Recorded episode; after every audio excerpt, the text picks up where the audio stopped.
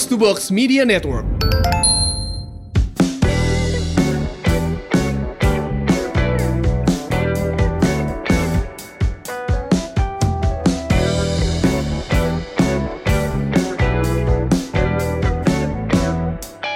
Halo, kembali lagi di podcast Semur Sehat dan Makmur bersama saya FX Mario. Dan saya Ligwina Hananto. Hai hai semuanya, Hai. Semurian. Hai Semurian. Episode kali ini seru loh. Episode 7 ya. Mm-mm. Episode 7. Kita mau bahas tentang Kita nyambung dari episode 5 yang kemarin kita ngomongin bagaimana men- apa menyelesaikan hutang gitu kan. Solusinya salah satunya adalah kalau lo nggak lagi nggak ada pekerjaan atau butuh tambahan ya dengan cara berdagang. ya, jadi gue tuh termasuk yang utang tuh boleh, tapi untuk jadi sesuatu, jadi aset. Iya. Kalau posisinya nggak punya pekerjaan terus ngutang, lu tuh cuman kayak nyari masalah baru aja. Hmm, hmm, hmm. Masalah lu selesai sekarang, tapi di belakang lu digulung masalah baru karena Iya. nggak punya penghasilan bayar utang gimana caranya nggak mungkin kan. Hmm, hmm. So, berdagang itu adalah salah satu yang perlu dikembangkan semua orang. Karena gue sama Mario Ya. sama-sama orang sales. Jadi, siapa tahu, siapa tahu materi kali ini bisa membantu kalian. Tapi biar lucu, kita nggak bahas cuman dagang aja ya. Kita Hmm. bahasnya shopping dan dagang. Ya, karena Kayak ketika gimana? lu berdagang ada orang yang dagang. Ya nggak apa-apa kan ketika lu Ada orang yang berdagang, ada belanja. orang yang shopping, ada yang belanja. Hmm. Nah kita ngomong dari dua sisi ini dong, Iya. ya kan? Mm-mm. Dan lu kan nggak cuma dagang doang. Mario ngaku aja udah beli apa emang selama pandemi COVID ini? Pertama gue beli rice cooker. Ngapain lo beli rice cooker?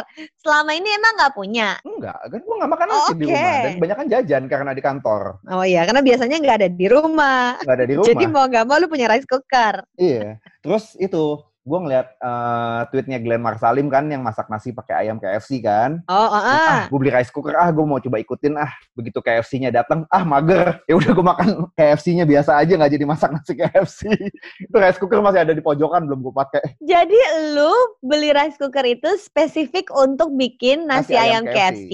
Terus Ah. ketika lu udah beli ayamnya, gue mager keburu lu makan. gue makan Jadi itu belum dipakai sekarang. belum belum Bener-bener gua kirimin nasi kebuli ya. iya Jadi boleh lu bikin tuh nanti nasi kebulinya pakai rice cooker. Aduh, bener-bener deh. oh gue beli ini peralatan fitness sih gue beli itu yang buat sit up jadi buat ganjilan punggung buat sit up terus gue beli apa beli ya ada beberapa ada dumbbell ngelengkapin buat di rumah ya gitu deh kalau lo Gue tuh sebenarnya bikin wishlist nih mungkin bantu buat Hmm. semurian ya. Kalau kita pengen Hmm. apa langsung beli, pengen apa langsung beli tanpa lu sadari lu udah beli apa aja. Jadi gue ada buku, ada buku di meja makan yang kalau anak-anak gue pengen ini ya, ayo tulis dulu deh nanti kita pertimbangkan gitu. oke Jadi kita tulis nih Oh, wishlistnya. buat mencegah nggak nggak impulsif ya? Iya kalau enggak kan tinggal buka aplikasinya, Ah, tek tek tek tek beli search, gitu search, kan. beli. Heeh. Ya udah kalau gitu kita eh, bikin wishlist gitu.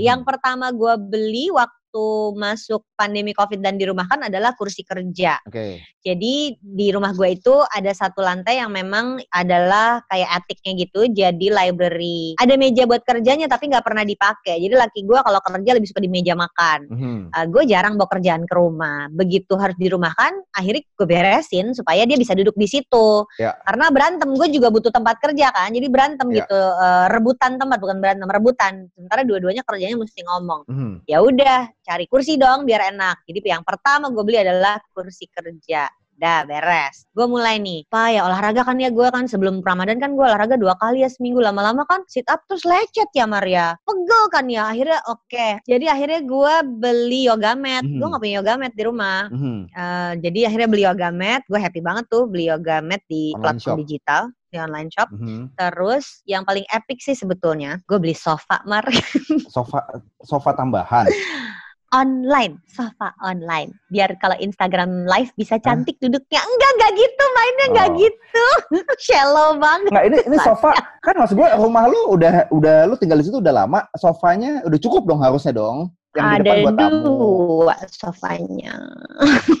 yang yang satu tuh dari kantor kan. Ah. Udah gue taruh di kantor yang satu. Heeh. Gue balikin. Heeh. Jadi gini, kan setelah masih kita bertarung rebutan tempat kerja di lantai atas, Heeh. akhirnya gue terusir. Ah. Jadi di lantai atas itu ada anak-anak gue, ada laki gue. Gue nggak pernah kebagian tempat buat kerja. Antara kerja gue kan banyak Ah. ngomong kayak gini nih rekaman mau di mana gue. Heeh. Minggu-minggu awal itu gue di tempat tidur tahu sedih banget duduknya Aha. kerja di tempat tidur. Aha. Akhirnya setelah kantor gue tutup kantor fisik, Aha, gue mindahin barang-barang dong dari kantor. Iya. Jadi ada meja kerja nih, udah ada meja, meja kerja, gue geser-geser furniture di kamar. Ya. Jadi sekarang ada satu pojok yang kosong mar di kamar Hmm, gue. Hmm. Terus gue mulai berpikir nih? isi apa Eh, gak guna banget gue. Jadi itu sebetulnya Ancol keinginan ya, bukan tapi kebutuhan ya. keinginan bukan kebutuhan. Ya udah gue survei dong, gue cari, gue browsing, gue menemukan sebuah sofa yang harganya 1.700 dolar. Oke. Keren banget, cakep banget. Gue kirim dong ke WhatsApp laki gue. Aha, aha. itu dari Jakarta. Aku pakai dolar. Ya pokoknya dari luar negeri lah, harganya Ah. 1.700 dolar. Terus laki gue nemu yang harganya satu juta setengah. Beda banget. Sama. Mirip. Oh, sama mirip. banget sih enggak, Hmm, tapi mirip. Ya oke. Pokoknya looknya look looknya sama kak. Ah, Kakinya beda, tebal bantalannya Joknya, tuh beda, ah, ah. warnanya juga beda. Tapi joknya tuh mirip. Jadi pokoknya looknya tuh sesuai yang gue mau. Hmm, Tuh, hmm. Ada nih, dia bilang nih ada, tapi harganya nggak 1.700 dolar kan? Dia bilang gitu. Tuh, semurian itu jadi pelajaran. Kalau lu lihat dari luar negeri mahal-mahal, cari Di lokalannya. dalam negeri Banyak lokalannya, Banyak. gokil. Dan itu online loh, itu Iya. online. Sedemikian rupa online ada di di beberapa platform e-commerce nggak cuma di satu gue cari di beberapa Ah. sama harganya segitu sementara referensi gue 1.700 dolar Dikirimnya dari Malang dikirimin dari Malang Oh Malang. Udah nyampe tapi. belum kita Oh, setiap belum. hari ngecek aja udah sampai mana Oh, dia lu udah tracking tiap hari. Tracking tiap hari. Jadi kalau ditanya apa shopping paling random yang kita lakukan secara online, gue melaki gue Sofa. bukan sofa, seti, tau nggak? Ada bahasa Inggrisnya, seti. Hah? Tulisannya S E T T E E, seti. Oh, seti, Tulisannya gitu. gitu. Tapi lebih penting lagi kalau lo mau sesuatu dari luar negeri cari lokalannya jadi ya. Oke, gue Cari setuju. lokalannya. Hmm. Bangga dong, iya ada ternyata. Nanti kita tunggu ya bentuknya apakah sesuai dengan gambar. anyway, jadi maksud gue nggak berarti selama orang dirumahkan itu orang nggak belanja, ya kan? Mhm, mhm. Jadi kalau lu merasa penghasilan lu terpengaruh dan kemarin di episode 5 gue sama Mario bahas kenapa nggak dagang aja. Mhm. Ya kan orang nggak shopping, shopping kok buktinya Shopping Mario shopping, gue shopping gitu. Jadi Hmm. ada kok yang dibelanjain orang dan lu bisa jadi orang yang mendagangkan barang jualan itu. Menurut gue Yes. gitu, itu yang yang mesti kita lihat sekarang. Berarti berikutnya yang mesti kita cek adalah apa yang kira-kira bakal dibeli orang. Betul. Apa dong Mar? Pertama makanan ya udah pasti ya. Di masa kayak gini sih pasti kayaknya makanan gitu. Eh, jajan makanan gue juga nambah. Dan itu nggak cuma kadang-kadang gue pikir bukan cuma belanja buat gue. Kadang-kadang nih berasa nggak di pandemi ini kadang-kadang kita dapat kiriman dari temen. Jadi kita kirim balik segala macem. Banget, Nah, banget. itu Itu, kan- nasi kebuli gua kirim ke lu, udah gua kirim Yeah. ke 30 orang kali. Iya makanya kirim-kiriman makanan kalau lo jadi kalau selama lo nggak nggak malu nawarin makanan ke orang-orang yang lo kenal pasti akan ada aja kok yang beli gitu kan? ya, tapi harus mulai dari itu. Mau nyobain nggak? Aku jualan ini, Iya, ngomong gitu. Iya. Kayaknya yang mendasari orang gak mau dagang tuh apa sih? Takut ditolak ya? Mm-mm, takut ditolak. Iya, gak bisa handle rejection kayaknya. Yes, well, yes. ini udah kepepet. Lu bayangin aja daripada lu ngutang, Mhm. mendingan lu handle rejection deh. Problemnya lebih kecil. Heeh, Kalau kalau di reject udah cuman saat itu doang kan? Iya, lo lo let go, lo move on, cari orang lain lagi. Kalau udah ada yang beli, lo pasti udah lupa deh sama yang nolak lo gitu kan? Iya, iya. Gue dulu pertama kali Hmm. buka QM Financial tuh gue nawarin ke 100 orang. Mhm, Jadi gue zaman dulu SMS ya, belum pakai WhatsApp, Iya. belum ada Facebook zaman dulu tuh 2003. mhm. Gue WhatsApp ke 100 orang yang ada, eh, ke SMS, sorry bukan WhatsApp, gue SMS ke 100 orang yang ada di kontak handphone gue. Dari 100 itu, gue Hmm. tawarin nih mau jasa financial planning apa enggak. Iya. Dari 100 yang jawab cuma 4, Iya. berarti cuma 4% yang jawab. Aha. Dari 4% itu, dari 4 orang itu, yang bilang iya mau ketemu cuma satu. Si Arif. Iya, si Arif. Mhm. Dan sampai hari ini perusahaannya masih ada aha, gitu. aha, Akhirnya jadi perusahaan, Aha. punya karyawan, bayar pajak, aha, bisa bayar THR bulan ini. aha. Artinya harus dimulai gitu. Tidak semua dagangan gue jadi perusahaan juga ya. Ya. Gue pernah jualan risoles. Ya. Dari jualan risoles itu gue bisa menghasilkan 3 juta bersih loh sebulan. Di beberapa area 3 juta itu UMR. Hmm. Gue bersih cuman dari dagangan risoles doang. Mhm. Dan itu modelnya bisa PO kan. Mhm. Jadi orang tuh banyak yang eh, apa sih lu nggak mau dagang karena apa? Karena handle rejection. Iya gue tahu itu memang berat, tapi banyak yang alasannya tuh bukan itu, alasannya nggak punya uang. Oke. Kemarin gue habis di interview sama Bayu Oktara Oh iya. dan dia nanya yang sama dan jawaban gue jawaban gue sama di di radio gue di interview sama Bayu terus jawaban gue sama daripada ngutang kenapa nggak dagang aja tapi kan nggak punya duit Win bisa PO, PO. Gitu. Iya. kalau nggak PO apa jualin barang orang Iya. saya nggak nggak bisa produksi nggak punya keahlian jualin barang orang gue nggak bisa bikin resource yang enak gue jualan barang orang loh bisa kok gitu jadi jangan dianggap remeh lah dagang ini tinggal kita lihat ya cara hidup orang kan beda sekarang Hmm. pas nih memanfaatkan momentum Ramadan. Yuk kita lihat cara hidup orang selama pandemi COVID dan lagi Ramadan itu kayak apa. Mhm. Eh, yang gua rasain sih cara hidup orang tuh berbeda karena dia di rumah aja maka cenderung melakukan hal-hal yang dilakukannya di rumah aja kayak apa? Kayak masak. Ya. Sekarang tuh orang cenderung masak sendiri loh. Ya. Walaupun dia bisa delivery order ya, lama-lama dia merasa mahal delivery order, akhirnya Hmm. masak. Berarti kalau orang masak ada opportunity apa tuh di sini kalau masak? Ya nggak? Bisa bahan makanannya. Bahan makanannya, bisa yang frozen. Frozen. Kemarin gue tuh dapet WhatsApp eh, dari restoran yang barbecue-barbecuean Ya, gitu, ya, Mar. Ya, ya, ya gue juga tahu. Ditawarin, "Eh-eh, Ah. beli setnya, beli dagingnya, beli satu set. Daging, bumbu segala macem tinggal rebus gitu kan. Kan lucu tuh ya. Jadi restoran siap apa? Restoran yang all you can eat itu Barbecue, eh, eh, barbecue all you bikin-bikin can eat. paket dagingnya dia dengan sausnya, dengan macem-macemannya. Heeh, terus reaksi gue kan langsung, wah berarti kita harus beli panggangannya dong. Mertua gue bilang, ada, dia pinjemin panggangannya gitu. Oh, ya? Jadi seolah-olah restorannya datang ke rumah gitu. Ah, Menarik kan, jadi opportunity-nya tuh ada. Terus da- diambil, diambil lagi begitu kita selesai. Udah selesai nanti diambil lagi. Boleh, boleh, boleh, boleh, boleh, boleh. Iya kan daripada beli kan, Mhm. Iya, bisa kayak gitu. Jadi ayo lihat cara hidup orang yang berubah setelah dia harus di rumah aja tuh apa aja. Ya. Tadi misalnya olahraga harus di rumah aja, tapi kan alat di rumah nggak selengkap alat di, Di gym. dong. Uh-uh. Ya. Ya beli dong artinya. Mhm, Menurut gua mhm, ini mhm. saat yang sangat tepat untuk nawar-nawarin sama all these gym enthusiast. Yep. Kalian udah punya barbel berapa kilo? Kalian udah Yep. punya dumbbell berapa kilo? Kalian mau, nambah punya kettlebell apa Ha, enggak? iya. Mm-mm.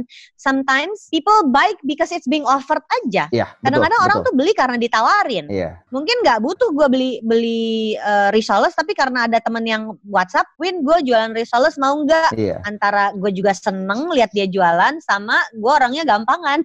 Oke, ayo beli gitu. Kemarin gue ditawarin kerudung. Gue ada satu temen yang yang desainer dan dia salesnya jalan. Aha. Jadi tim salesnya itu WhatsApp satu-satu kalau ada keluaran baru. Gue nggak butuh kerudung baru, tapi ya gue merasa gue perlu apresiasi karya orang, gue beli dah gitu. Iya. Cik, apresiasi karya orang bilang aja pengen shopping win. Kalau gue juga ngerasa ini gitu. Eh, kayak gue tahu ada temen gue jualan kue coklat, cookies gitu kan. Eh, tapi dia di daerah Serpong. Mm-mm. Lu bayangin kalau dikirim sampai Kelapa Gading, ribet kan ongkirnya kan? Ah, bilang aja lu pengen jalan-jalan. Enggak, akhirnya gue kirimin buat adek gue gitu kan. oh oke, ya ya ya, good idea. Jadi lu kirim ke Iya, adik lo. Heeh. kalau apa eh, kirim-kirim ini kan mulai kencang nih di selama apa selama pandemi ini kan. Ya udah kalau ada yang nawarin lo, lo beli. Benar benar benar. Kalau lo nggak mau, lo pikir bakal hancur di jalan karena kejauhan lokasinya, lo kirimin aja ke temen lo, saudara lo, kenalan lo yang lebih deket. Kirim ke orang lain, iya benar. Dan tidak harus dikirim pakai Grab atau GoSend, bisa Iya. dikirim juga pakai JNE untuk untuk banyak produk gitu. Jadi ini ini menurut gue jadi opportunity. So setiap kali ada masalah pasti ada opportunity. Itu yang kayaknya orang lupa. Kalau ada masalah kan kita keburu whining, keburu sedih, keburu mengeluh, keburu keburu bacot lah pokoknya. Kalau gue ya gitu kan bacot aja dulu gitu. Ternyata enggak, setiap kali ada masalah itu sebelum kita bacot, ada orang yang udah mengambil opportunity mengubah si masalah itu jadi kesempatan duluan. Yes. Jadi coba lihat deh di sekitar lo ada apa. Karena menurut gue dagangan yang berhasil itu adalah dagangan yang memang nyampe ke hati pembelinya. Iya. Jadi kadang mikir gue bisa Aha, bikin gue apa, bisa jualannya apa enggak nih? gue bisa Ah. jual apa. Heeh. Padahal harusnya lu lihat sekitar lo lagi butuhnya apa, baru lo masuk dan udah ambil kesempatan itu Iya, iya, gitu. iya. Kar- Karena kayaknya yang lakukan kemarin itu apa coba? Makanan, Makanan, udah masker. pasti, masker, terus eh, ini kemarin sempat hand, sanitizer, sanitizer, dan kawan-kawannya Iya. hits banget sempat, tapi kan Iya. sekarang udah enggak. Terus apa lagi? Hmm, alat alat-alat ini pelindung deh ya selain Hmm. selain masker. Tetangga gue tuh bikin ini face face mask. Facial. Fa- face shield bikin ber, ber- kardus-kardus ada yang disumbangin ada yang dia jual Ya. akhirnya itu jadi opportunity loh menghasilkan duit buat dia Mm-mm. karena dia tuh party planner Aha, party planner kan Mati salah satu duluan. yang mati duluan bisnisnya ya betul. siapa mau bikin party hari gini gitu kan mau bikin party di rumah juga kan nggak buat 30 orang gitu buat berlima gitu Aha, aha. jadi yang dia lakukan adalah dia bikin face shield, eh, dikirim ke RSUD, dikirim ke puskesmas, dan itu dia gratis ngasihinnya cuman untuk ongkos ke tukang doang, Mhm. tapi terus dia jual juga. Jadi jadi dia jual ke teman-temannya.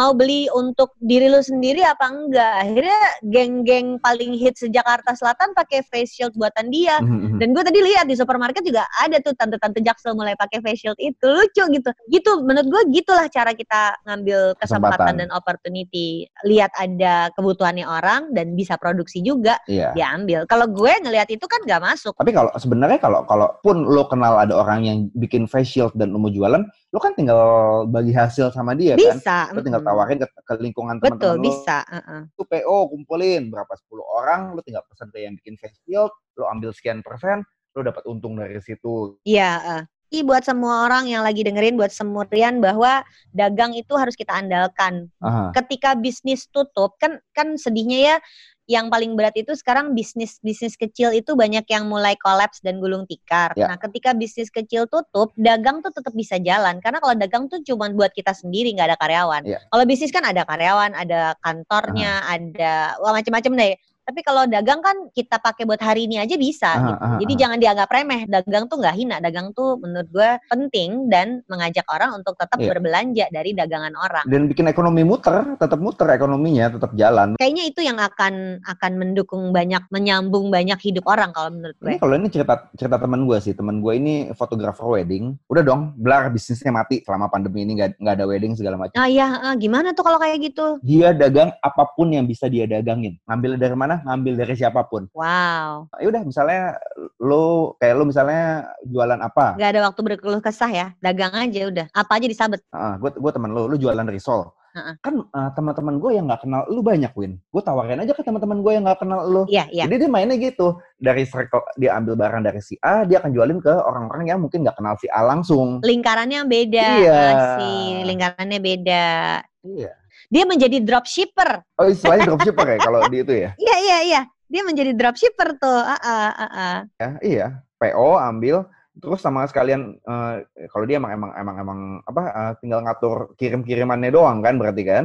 Dia mulai dijual mulai dari du- duren, bird nest kayak kayak suplemen sarang burung walet, Mm-mm. macam-macam deh dia jual kopi lah apalah ya udah tapi dia bilang daripada gua nggak makan that's the spirit yang gua salut sih Iya, iya, keren. akan ada kok yang beli dengan dengan apa dengan de- eh, dengan pendekatan lo misalnya gua sama Wina jualan barang sama pendekatan kita beda ya orang juga belinya akan beda gitu kan pasti kan Mhm. jadi nggak usah takut lah untuk berdagang Ada industri-industri yang memang sekarang lagi ngedrop Mhm. ada yang ngajakin ngobrol gitu ya. Terus gue nggak berani karena gue merasa itu bukan bidang gue. Jadi dia bilang dia ada di travel industry, Mhm. Eh, pengen bikin kayak Instagram live untuk ngebahas tentang travel industry during pandemi COVID. Mhm. I don't know what to say. Gue bilang gue nggak tahu mesti ngapain karena dia bilang gue bingung orang jualan makanan pas lagi pandemi COVID. Padahal kan dia orang travel. Travel. Ya menurut gue kenapa enggak ya?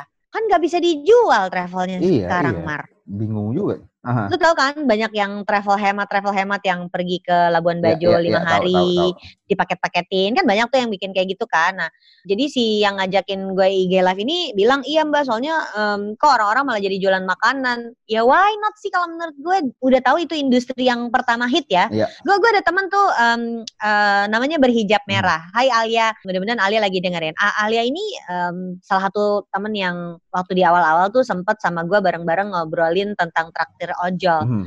uh, dia semangat banget berbagi untuk ojol. Gue sampai lupa nanyain, lu bukannya bisnisnya travel? Iya, dia bilang gitu. Bisnis travel bukannya mati ya? Gue bilang gitu. Oh mati total Mbak Wina, udah mati total, udah nggak bisa ngapa-ngapain. Dia bilang gitu. Dia biasa handle outing perusahaan. Ya udah ada you bye bye dong bisnisnya kan. Hmm, nah, hmm, hmm. jadi jadi menurut gue ya spirit yang mirip sama same apa same vibe, same vibe gitu ya Mar, sama temen lo yang fotografer wedding. Orang yang kayak dia ini pada saat bisnisnya hancur, dia malah sibuk berbagi sama orang lain. Gue yang Iya, iya. How iya. do you find energy for this? Gue bilang gitu. Ya, ya abisnya gue mesti ngapain lagi bersedih-sedih. Udah, udah jelas gak akan ada travel untuk setahun ke depan. Terus sekarang ngapain? Oh, gue lagi em, nyusun-nyusun mau jualan dan belakangan gue perhatiin di Instagram sama Twitter dia mulai jualan brownies gitu. Oke. Jualan brownies itu kan klasik ya, like everybody can do it, everybody can bake brownies and sell it gitu. Ya.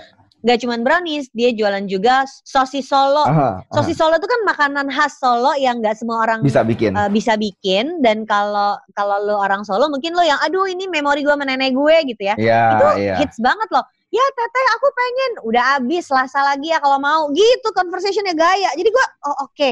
Iya dibandingin penghasilan bisnisnya pasti jauh jomplang karena biasanya dia bawa rombongan berapa puluh berapa ratus orang traveling keliling dunia. Yes. Tapi paling tidak itu ngisi pundi-pundi uangnya dia dan dia jadi uh, bisa makan. Yes. Uh, Nah dagang kayak gini loh menurut gue yang ketika kita tidak dalam posisi yang beruntung masih punya pekerjaan, masih punya penghasilan, Ah, ah. jadi karyawan yang dijamin gajinya gitu, Mhm. ada orang-orang yang berjuangnya dengan cara ini. Mhm. Jadi jangan sedih gitu kok. Lu nggak sendirian, banyak kok yang melakukan ini. Mhm.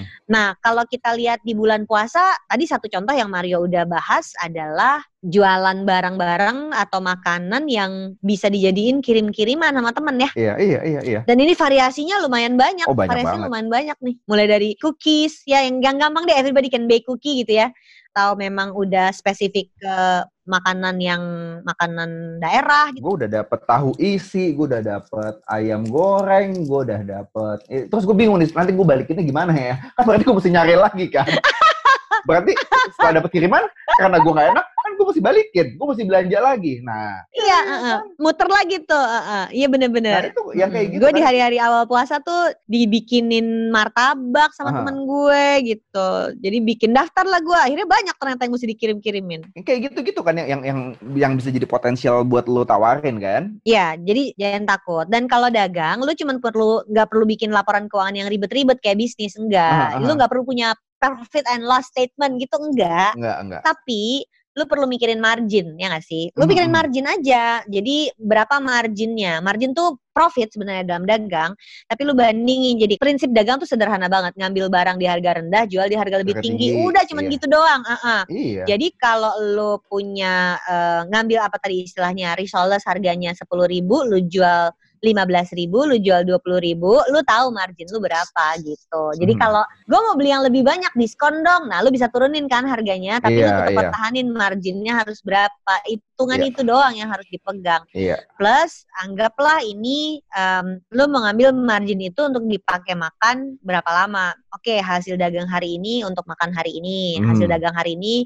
dikumpulin untuk makan bulan ini. Mhm. Berarti dagang yang minggu depan dipakai untuk makan bulan depannya. Caranya tuh gitu. Kalau kalau gue perhatiin banyak yang nggak mudeng dagang itu penting kayak apa karena ada aja gitu yang akhirnya karena ribet karena udah carried away dagangnya tuh nggak untung ada juga mar yang kayak gitu itu mesti hati-hati tuh kalau dagang ya harus Itu untung kenapa? Dagang yang nggak untung itu karena nggak kegerus. merhatiin angka aja Oh. kegerus ongkos kegerus modalnya ongkos kegerus. Iya, iya, iya, iya, ya, iya. kegerus ongkos karena dia lupa bahwa ternyata dia ngeluarin ongkos apa aja pada saat dia dagang. Apalagi yang produksi ya. Mhm. Kalau yang ngambil barang kan lebih simpel, lu udah tahu harga, Harga ngambil beli, barangnya naikin berapa. Tapi berapa, kalau yang produksi, jual. uh simpel kan. Nah kalau yang produksi sendiri misalnya apa ya, kastengel deh gitu atau nastar deh. Ya. Lu kan harus ngitung tuh bahan-bahannya apa aja, lu dijual di angka berapa supaya lu tahu jadinya Untungnya untung berapa? apa enggak. Betul. Jadi yang penting untung ya, jangan dagang nggak untung. Oh iya, harus untung. Orang suka suka ngeledekin dibilang ngambil untungnya kegedean dia. Gue kalau dagang bisa untung gede, gue juga mau. Tapi kan belum tentu laku kalau kita dagang untungnya kegedean. Ya. Kan lu mesti cari angka yang pas gitu kan, buat orang mau beli belanjaan apa eh, jualan lo kan. Jualan kita. uh, uh, uh, uh. Iya. Nah ini yang exciting, exciting menurut gue ketika kita Aha. ngomongin ada opportunity di luar sana. Kemarin-kemarin kan ngomongin pandemi COVID tuh sedih-sedih gitu ya, Gloomy, ha. gloomy gitu. Tapi menurut gue begitu ngomongin dagang, oh iya yuk kita lihat apa. Contoh yang tadi sebelum sempat kita bahas itu tadi ngapain gue tiba-tiba beli kursi kerja, ngapain gue tiba-tiba beli eh, tanaman, Aha. ngapain gue beli eh, sofa buat di kamar. Aha. Kalau nggak karena pandemi COVID itu nggak akan terjadi loh. Iya, iya. Kalau iya, nggak iya. karena pandemi COVID, gue nggak akan ada waktu untuk mikirin di lantai tiga itu harus dipasangin kursi kerja. Iya. Gue nggak akan waktu untuk mikirin, aduh gue pengen olahraga di teras, tapi kok busuk banget teras gue ya. Mesti Gue cari diperbaiki. tanamannya deh Ah. gitu. Cuma nambah-nambahin tanaman doang biar cakep gitu. Iya, iya. Terus iya. kalau nggak ada pandemi COVID, gue nggak akan beresin kamar gue di pojok ada satu ruangan kerja buat gue sendiri. Hmm, lucu kayaknya pojok itu kosong gue taruh sofa. Nggak bakal. Jadi ada opportunity-opportunity lain yang menurut gue lahir gara-gara si pandemi COVID ini yang bisa dijadiin opportunity buat jualan. Anything that's related with the way you live today. Perhatiin deh, cara lu hidup kayak gimana, itu Aha. yang akan maju untuk didagangin selama kita harus di rumah aja. Mulai dari diri lu sendiri ya, apa yang paling relate sama lu, lu gali aja di situ gitu kan. Hmm, terus lu cek sama lingkungan lu, jangan Hmm, sampai hmm. elunya gitu tapi sekeliling lu yang jadi target jualan lu nggak begitu. iya, iya, iya. Nggak mau jual ke siapa. Nah, ngedekor rumah tuh menurut gua eh, untuk eh, ibu-ibu tuh jadi sesuatu yang dikerjain banget sekarang. Iya. Em, apa ya, teman-teman gue yang tinggal di apartemen itu mulai posting-posting foto mereka di balkon dan di dekor balkonnya lucu-lucu, Mar. Mhm. Balkon itu kan kalau lu kan pernah tinggal di apartemen ya, Mar? Iya, iya. Balkon itu kan salah satu sisi apartemen yang paling gak diperhatiin. Iyalah. Kalau lu bukan orang yang biasa di rumah, Iya. Dan lu nggak resik resik banget jadi orang gitu kan. Udah di luar aja Iya. tuh tempat tempat buangannya AC. dua tempat buangan AC. Lu masuk ke dalam apartemen, kan pasti oke gue butuh tempat buat naruh sepatu. Lu pikirin dong itu karena lu sehari-hari begitu. Iya, Tapi iya. balkon ditutup dikunci aja gue nggak keluar dua bulan juga bisa. Heeh, heeh, heeh. Begitu lu ada di rumah aja, lu buka tuh balkon, lu pengen dekor gitu. Lu ngeliatnya sebel gitu kok kotor gitu, dekil gitu kan. Nggak ada apa-apa. Menurut gue yang namanya balkon itu mm, dekor rumah nggak cuman nggak cuman balkon ya. Itu jadi opportunity nih sekarang. Hmm. Alat-alat masak itu opportunity banget sekarang. Hmm, Lucu hmm. banget deh. Kemarin tuh Mas Dondi tuh suami gue bikin posting di Twitter. Apa random shopping lu selama pandemi COVID? Terus dia posting si gambar sofa lucu kita itu ya. Aha. Terus orang-orang pada nyaut, siapa ya kemarin ya? Lupa gue namanya siapa. Dia posting eh, belanja-belanjaan dia yang bener-bener kecil-kecil banget harganya tuh sepuluh ribu, dua puluh ribu. Misalnya gini, sendok pemisah putih telur dan kuning telur. Oh iya, gue tahu tahu. Like, why do you need this? Lu tinggal melakukan ini, bukan bisa misahin lu nggak butuh sendok. Gampang itu lu tinggal tuang ke situ, putihnya jatuh, kuningnya nyisa. itu gampang, gue punya itu. Kok nggak perlu pakai sendok? We can do this pakai. Akan bisa lebih gampang. Nah, yang kayak gini-gini kan yang yang yang jadi opportunity. Coba Iya, kalau lucu banget ada orang tahu. yang sebel misahin putih telur. Heeh. Gak akan ada yang nyiptain Nah, itu tadi kan. kata kuncinya apa Mar? Sebel.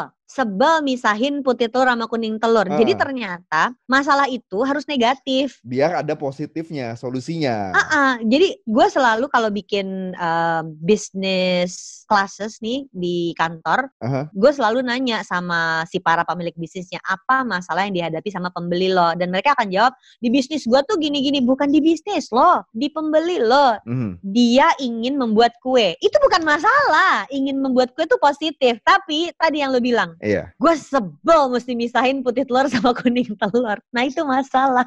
Dan solusinya ada dalam bentuk sendok nggak penting ini. iya, iya, iya. Jadi apa istilahnya menjawab keresahan masyarakat gitu ya. Heeh, cowok yang nggak pernah masak gara-gara pandemi covid mau nggak mau dia masuk dap. iya kan tuh. Iya kan? Nah yuk kita lihat-lihat yuk apa masalahnya. Orang tuh lagi seneng ngedumelin apa, lu akan dapat solusi di situ. Iya, iya. Terus anak-anak pada gimana selama di, eh, di rumah ini? Mungkin menurut gua anak-anak tuh market yang lumayan enak buat digali kalau lo mau jualan sesuatu kan. Kalau anak gue yang besar, Hah? kan dia introvert dan gamer ya. Jadi ketika disuruh di rumah aja tuh dia bahagia banget. Oke. Dia mulai nanya, aku juga boleh nggak punya kursi kerja baru? Karena kursi kerja dia udah udah nggak enak. Mm-mm. Eh, aku pengen beli keyboard yang mechanical biar kalau diketik klik ketik klek klik ketik klek oh my god penting banget gue bilang Oh itu apa sih yang bunyinya kayak mesin tik manual gitu? bukan bunyi kayak mesin tik tapi masih klik ketik klek gitu tau gak sih kan Oh bukannya ah, iya, iya. keyboard model-model PC kan zaman dulu gitu eh, eh, keyboard PC zaman dulu nah kalau anak yang nomor dua dia mulai kirim kiriman makanan sama temen-temennya nanti tahu tahu ada brownies dateng, nanti tahu ada cookies dateng. Terus akhirnya kemarin ada cookies yang ini cookiesnya gluten free. Oke, baiklah gluten free cookies. Dan itu ternyata ada juga terjadi jual-jualan di antara anak-anak remaja ini teman aku jualan cookies, aku mau beli boleh nggak? Boleh, gitu kan, lucu kan, gitu. Boleh. Jadi anak-anak SMA iya, iya, jualan iya, iya, cookies, terus dibalin ke teman-temannya gitu. Lucu loh. Nanti ada cookiesnya yang ginormous yang segede gini, lucu. Kalau anak yang paling kecil, um, dia minggu pertama udah minta duluan. Aku minta dibeliin cat buat me melukis di rumah karena aku bosan, aku mesti ngapain lagi. Jadi dia malah yang anak pertama yang request sesuatu untuk dibeliin begitu di rumah kan. Oke. Okay. So there you go. Uh, udah banyak tadi ide untuk dagangannya. Uh, kalian mau dagang apa? Semurian mm-hmm. kalau kalian punya ide dagangan dan kelihatan udah mulai dagang, kita mau loh bantu retweet retweet di Twitter. Kamu boleh tag gue di @mrs_hananto, MRS Hananto dan Mario ada di @fxmario. Mario. Yes. Kalian punya dagangan apa? Siapa tahu bermanfaat. If we like it, we will retweet. If we don't like it, we will not retweet. Uh-huh. Maaf ya, ini kan jasa gratisan ya. Gue gue mau tweet atau enggak. Tapi maksud gue manfaatin di lingkungan lo kira-kira butuh butuhnya apa dan mulai jualan deh. Siapa tahu jualan lu adalah shopping untuk orang lain. Cie, closingnya gitu, iya. Mar.